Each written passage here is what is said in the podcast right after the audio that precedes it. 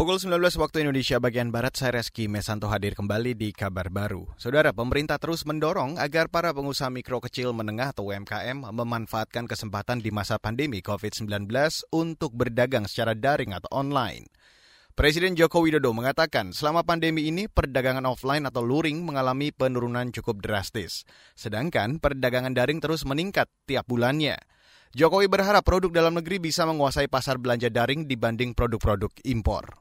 Jangan sampai perdagangan online tersebut didominasi oleh pembelian produk-produk impor. Jangan sampai marketplace yang ada lebih banyak dimanfaatkan oleh para pelaku industri kreatif global. Kita harus bisa membaliknya. Produk-produk UMKM Indonesia harus menjadi tuan rumah di negaranya sendiri.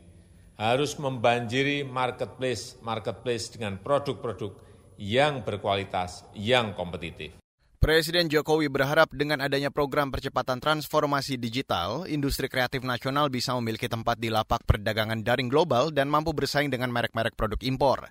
Ia juga berharap masyarakat bisa mendukung hal tersebut dengan membeli produk-produk lokal.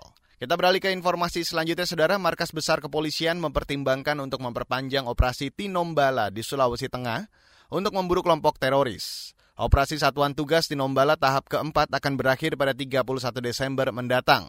Juru bicara Mabes Polri Awi Satyono mengatakan rencana perpanjangan operasi itu sudah dibahas oleh asisten Kapolri bidang operasi. Operasi akan diperpanjang untuk memburu Ali Kalora dan kelompok Mujahidin Indonesia Timur atau MIT Poso. Kemungkinan besar kita perpanjang karena memang teorinya belum bertambah. Masih ada teori kemarin kita sampaikan di 11 orang. Juru bicara Mabes Polri Awi Setyono menambahkan, pasukan gabungan Polri dan TNI yang tergabung dalam Satgas Sinombala saat ini masih mengejar kelompok Ali Kalora. Kelompok ini diduga dalam pembunuhan keji di Kabupaten Sigi 27 November lalu.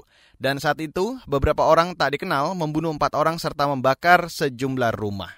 Kita beralih ke informasi olahraga, saudara. Klub sepak bola Manchester United nyaris terjun ke zona degradasi Liga Inggris musim ini jika tanpa kontribusi gelandang Bruno Fernandes.